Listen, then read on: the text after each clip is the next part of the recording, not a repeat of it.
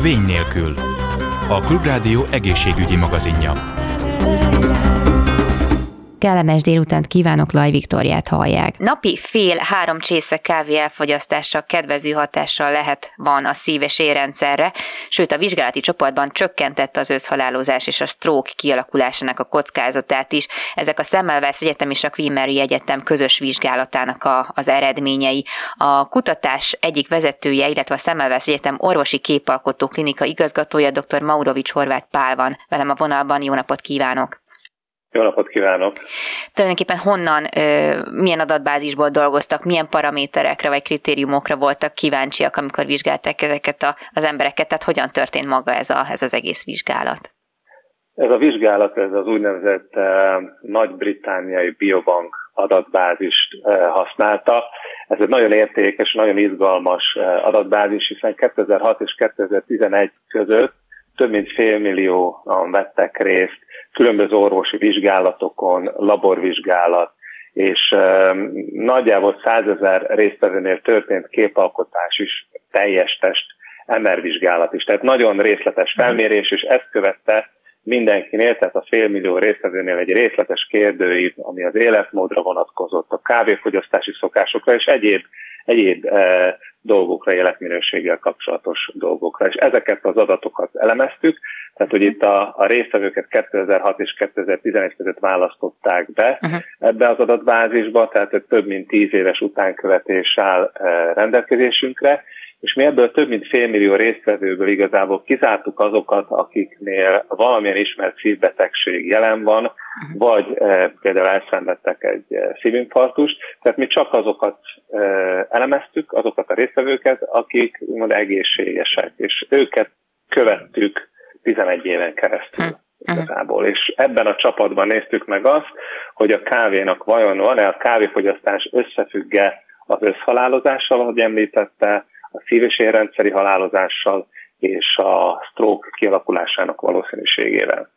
És hát van összefüggés, itt alapvetően három csoportra osztották az embereket, akik nem fogyasztanak, akik mérsékelten, ugye fél és három csésze, mérsékelten fogyasztanak, vagy akik jelentős mennyiségben három csészénél többet naponta. Viszont hát ez nem változhat 11 év alatt, hogy az ember mennyit iszik? Ez változhat, nyilván a kávé fogyasztási szokások változhatnak. Itt egy általános kérdés tettünk fel, tettek fel hogy a brit kutatók ebben az adatbázisban. Mi bízunk benne, tehát ugye ez a legnagyobb adatbázis, ami rendelkezésünkre áll, ahol egy ilyen kérdést meg tudunk vizsgálni. Tehát ezért ez a félmillió részvevő garantálja, hogy ezek így nagy átlagban, ezek az eltérések adott esetben egyén szintű eltérések, ezek úgymond kiegyenlítik egymást, vagy a hatásuk gyengül, hogyha vannak úgymond kilógó adatok, akkor ez a nagy adatbázis, és ugye használt nagyon komplex statisztikai elemzés az pont emiatt nagyon fontos, hogy ezeket a kilógó értékeket kiküszöböljük az analízisből, és, és megfelelő következtetéseket tudjunk levonni.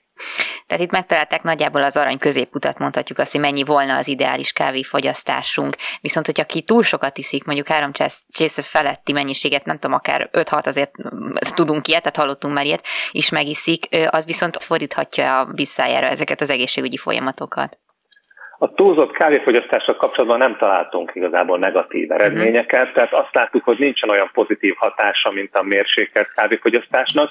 Tehát ugye a mérsékelt kávéfogyasztás a a nulla kávéfogyasztókhoz és a sok kávé, tehát a három csészénél több kávéfogyasztókhoz képest mutatott eh, rizikócsökkenést ugye az összhalálozásban, a szívérrendszeri betegség kialakulásának vonatkozásában de a, a, akik, akik sok kávét fogyasztottak, ott ezt az előnyt nem láttuk, viszont hátrányt sem e, mutattak az adatok. Fontos uh-huh. megjegyezni persze azt, hogy e, a vizsgálatból kizárásra kerültek azok, akik napi több mint 25 csésze kávét fogyasztanak. Uh-huh. Az is lényeges, hogy nem volt túl sok ilyen résztvevő, de azért az 500 ezer résztvevőből voltak néhányan, akik tényleg nagy mennyiségét fogyasztanak. Tehát ő, ő, ő, ő, róluk nem tudunk nyilatkozni, mert ők ugye az, ők nem szerepelnek az adatbázisunkban. Uh-huh.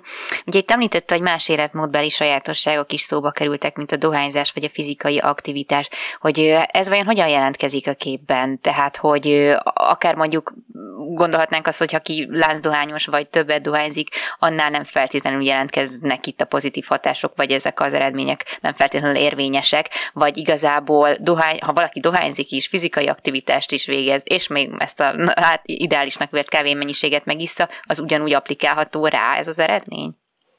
Igen, ez e, fontos körülmény, hogy ez egy nagy statisztika, e, nagy statisztikai jellemzés, egy nagy adatbázis, amit használtunk, és így lehetővé vált, hogy ezeket a módosító tényezőket, a, amiket említett például a dohányzás, nagyon fontos, hiszen gyakran társul a kávézással hmm, a dohányzás, vagy itt a sportolás. Mindegyikről voltak nagyon részletes adataink ezen paraméterekről, de ezeket is beleépítettük a statisztikai jellemzésbe, és ettől függetlenül mutatkozik a kávénak ugye mérséket kávéfogyasztásnak jótékony hatása. Hm. Persze ugye azért nagyon fontos hangsúlyozni, hogy egy ilyen vizsgálatból okokozati összefüggést nem tudunk uh-huh.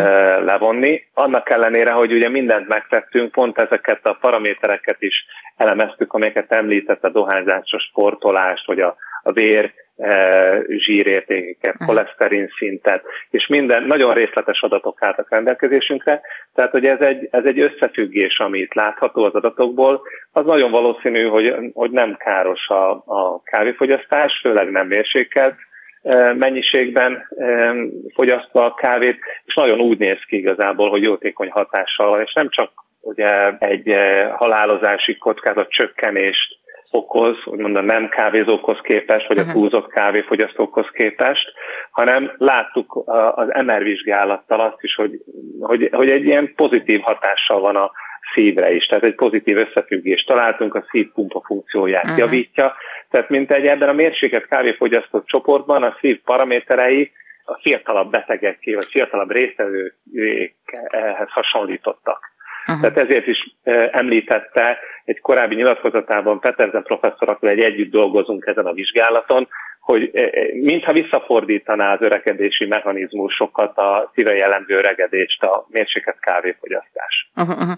De én azt azért fontosnak tartom ö, még megemlíteni, hogy, hogy, hogy, hogy ezek jó dolgok, csak hogyha mondjuk valaki akár elhízott, túlsúlyos, akkor azt tudjuk, hogy növelheti ugye a szív- és érrendszeri betegségek kockázatának a kialakulását. Tehát, hogy ne essen valaki abba a hibába, hogy ja, akkor én elég kávét iszom, akkor igazából nem kell változtatnom az életmódomat. Ez egy nagyon fontos, igen, ez fontos hangsúlyozni. Nyilván e, prevencióként a kávé nem használható, tehát sokkal uh-huh. erősebb rizikó csökkenés lehet elérni a, a testmozgással, a ugye megfelelő életmóddal, megfelelő testsúlytartásával, odafigyelve arra, ne legyen magas a koleszterin értékünk, normális értéktartományban legyen a vérnyomásunk. Tehát, hogy ezekre odafigyelve, a szívinfarktusok 80%-a megelőzhető. Ez, ez egy régi adat. Amit most ehhez hozzátettünk, hogy ezen felül, vagy minden mellett, ugye a kávéfogyasztás nagyon úgy tűnik, hogy nem rosszabbítja a szív- és érrendszeri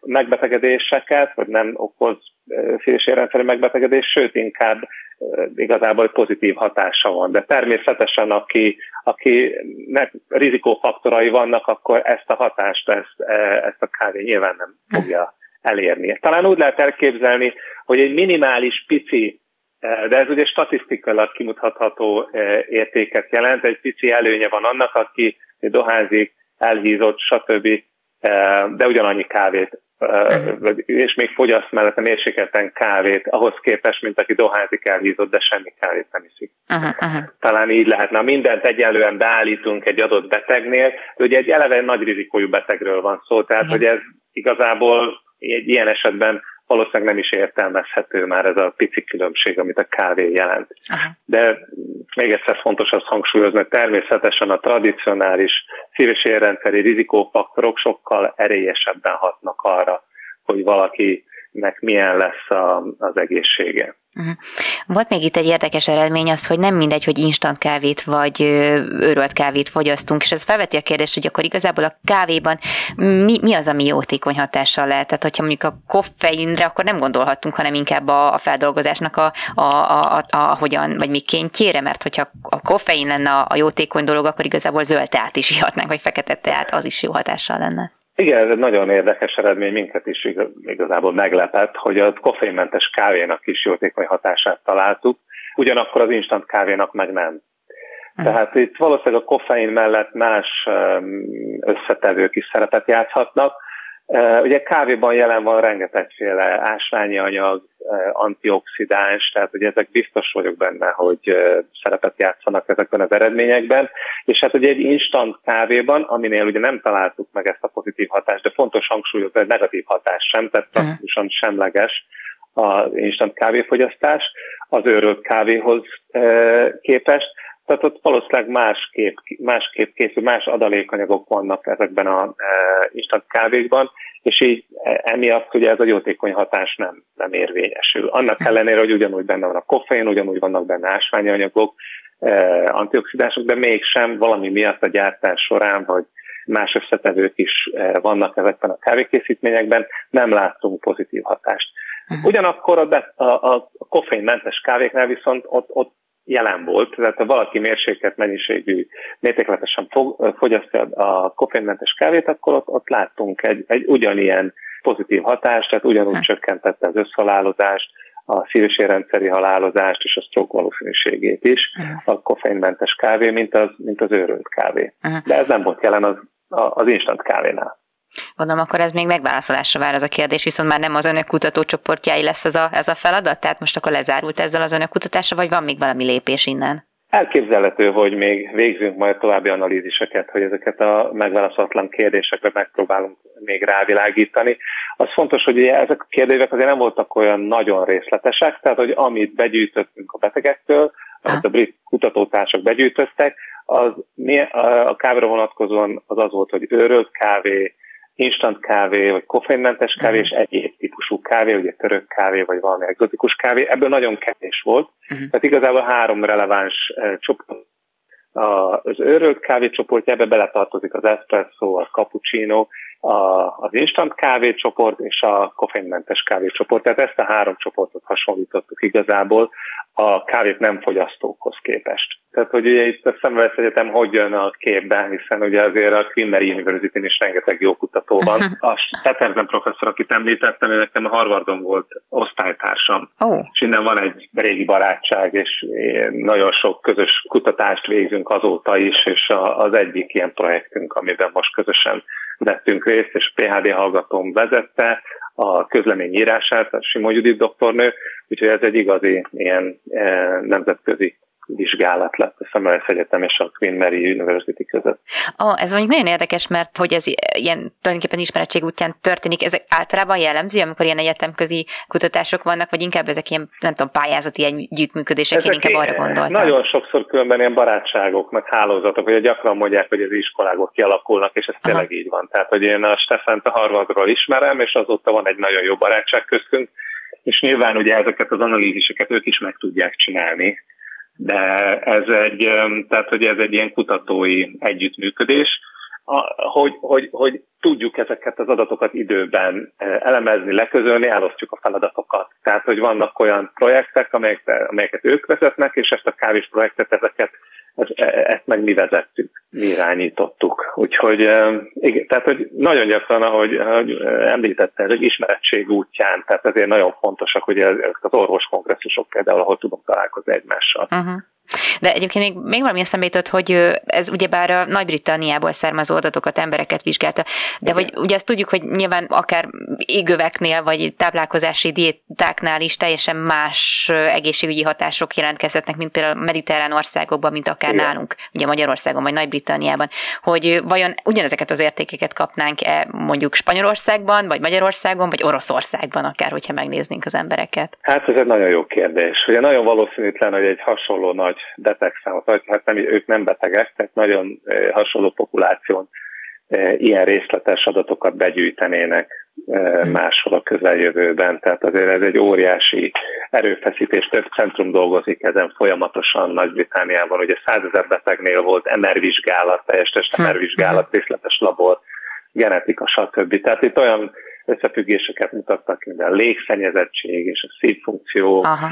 Nekünk is volt egy korábbi cikkünk, ahol az alkoholfogyasztás és a szívparamétereket elemeztük, Szóval mm, igen, tehát hogy elképzelhető, hogy ez a hatás, ez más lenne mondjuk nem tudom, a világ keleti részén, vagy, vagy akár a mediterrán országokban.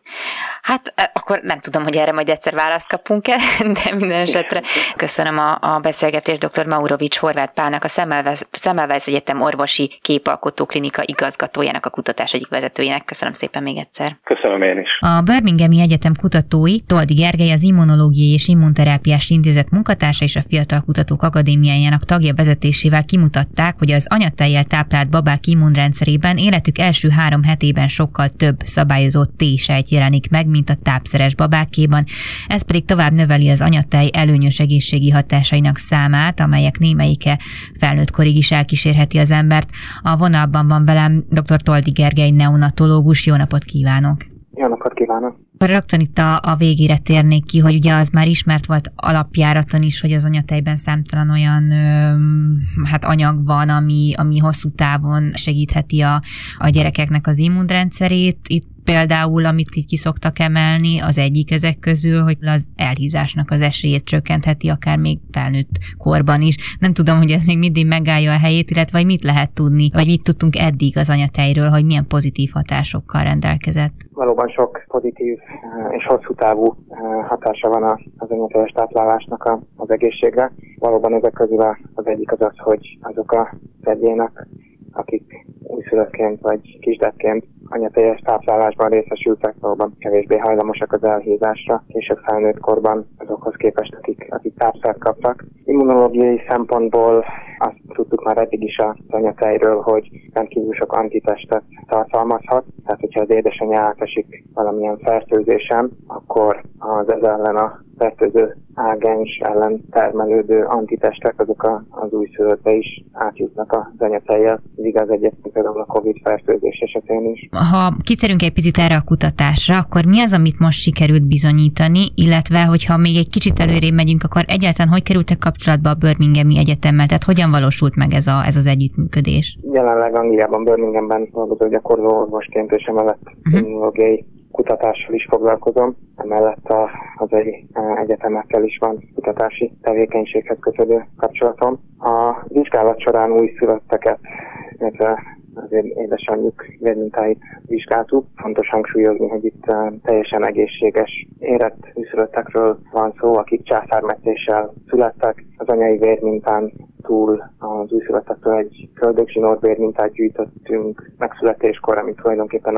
az újszülött immunsejtjeit tartalmazza, és aztán három hetes korban megismételtük a vérvételt az újszülöttektől. Az egyik eredménye a vizsgálatnak az az volt, hogy az úgynevezett szabályozó vagy regulátoros tésejtek azok nagyobb mennyiségben, majdnem kétszeres mennyiségben vannak jelen a anyatejjel táplált újszülöttek keringésében. A tápszeres babákhoz képest, illetve azt is kimutattuk, hogy az anyai immunsejtekkel szemben a anyatejjel táplált újszülötteknek nagyobb az immuntoleranciája, és ezt a hatást a említett regulátoros tésejtek közvetítik. Mondta, hogy császármetszéssel született babákról beszélünk, ez miért fontos? Ez azért volt szempont a vizsgálat során, mert tudjuk azt, hogy a vajudás folyamata, illetve maga a megszületés folyamata az egy gyulladásos választ vált ki tulajdonképpen immunológiai értelemben az újszülöttben, és ugye attól függően, hogy milyen, milyen hosszú a a vajudás az, az eltérő mértékű lehet, tehát ez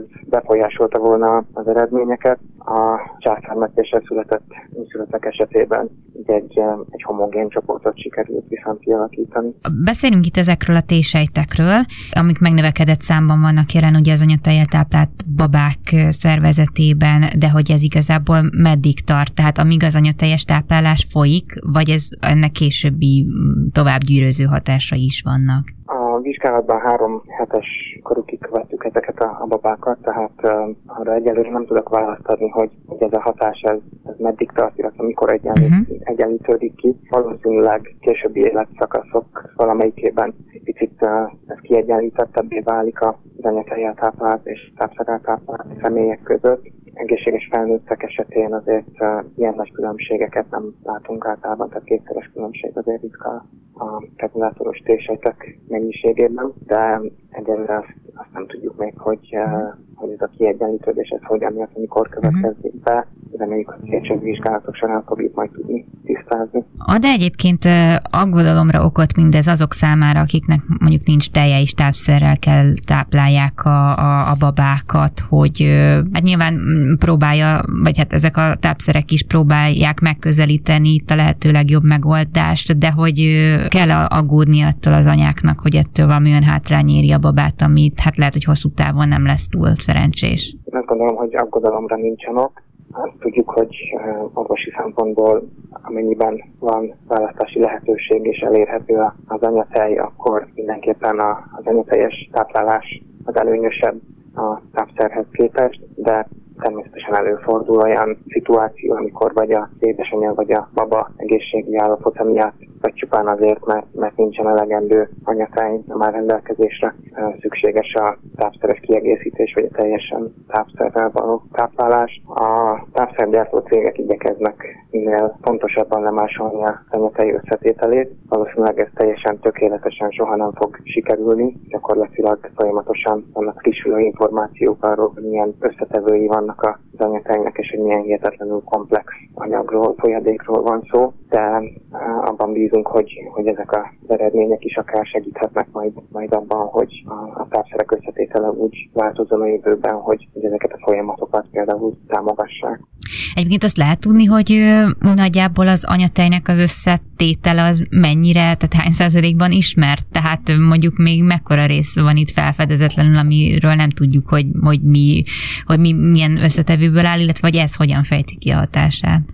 Ez egy nagyon érdekes terület, és uh, ahogy említettem, uh, gyakorlatilag szinte havonta van új információ arról, hogy, hogy, hogy milyen új összetevőket írnak le az anyatejben. Itt nem csupán a, a molekulákra vagy a tápanyagokra gondolok, hanem például az anyatejben megtalálható sejtekre is. Ez például egy olyan komponens, amit a tápszerben ugye valószínűleg soha nem fognak tudni egy egyben belekeverni, a anyai sejtek, amik a, az anyateje átjutnak az újszülöttbe, valószínűleg eh, fontos szerepet játszanak ezekben az immunológiai hatásokban is, és egy, egy viszonylag eh, friss terület ennek a, a tanulmányozása, tehát eddig ezt uh-huh. viszonylag kevésbé tudtuk leírni, hogy, hogy pontosan milyen sejtekről van szó, és azok milyen hatást fejtenek ki az újszülöttben.